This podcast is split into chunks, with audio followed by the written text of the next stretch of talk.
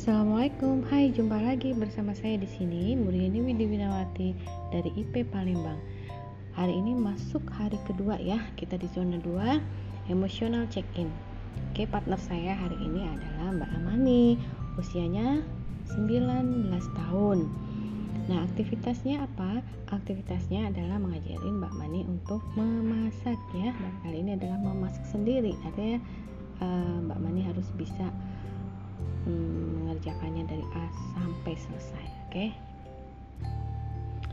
nah dari saya sebagai sobat tualang itu emosinya nggak kesel sih. Hanya awalnya itu saya merasa Mbak Man itu sering mengeluh ya. Jadi ma kenapa aku ini selalu salah? Kalau ngerjain ini salah kalau di dapur ini. Karena kalau kakak memang pintar masak kalau Mbak Mani itu kadang-kadang dikit-dikit nanya dikit nanya gitu ya. Tapi dia sering salah tuh.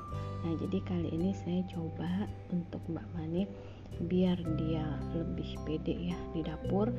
Itu yang tadinya dia merasa ada perasaan kok saya sering salah ya? Kayak dia nggak nyaman ya? Merasa kayak dia nggak pintar masak. Nah itu agar dia menjadi percaya diri untuk berada di dapur. Jadi kalau saya di posisi emosionalnya itu adalah uh, semangat di sini ya ingin memberikan uh, apa mengajarkan Mbak Mani itu lebih pede sementara Mbak Maninya itu di posisi emosionalnya yang merasa hmm, kok aku selalu salah ya selalu selalu salah lah kalau di dapur nah tanda yang ada di tubuh saya ya semangat ya. Uh, sayanya semangat sementara Mbak Mani yang hmm, kayak ya gimana ya kayak keogahan gitu jadinya. Nah mengapa merasakannya ya? Poin keempat lah mengapa, mengapa merasakannya. Karena gini ya itu tadi saya sampaikan Mbak Mani kan cerita ma kalau kakak sih suruh aku jadi partner di dapur itu kok aku sering salah. Misalnya kakak bilang potong cabenya. Nah kakak ternyata kakak tuh merasa Mbak Mani itu udah ngerti kalau cabai untuk tumis itu motongnya gimana. Nah sementara Mbak Mani ini langsung aja dikerjain gitu ya. Nah jadi gimana sih caranya supaya Mbak Mani juga berasa kalau dia itu sebenarnya punya kemampuan memasak? Nah, karena hal hal inilah yang membuat Mbak Mani itu jadi ngerasa males ah masak nanti salah lagi nanti salah lagi. Nah ya. Jadi pemicu poin kelima pemicu emosionalnya yaitu uh, Mbak Mani tuh kalau disuruh masak nggak ah nanti aku salah lagi salah lagi gitu ya. Yang jadi pemicu emosionalnya. Nah yang keenam tuh saat mulai merasakan emosi apa yang aku lakukan?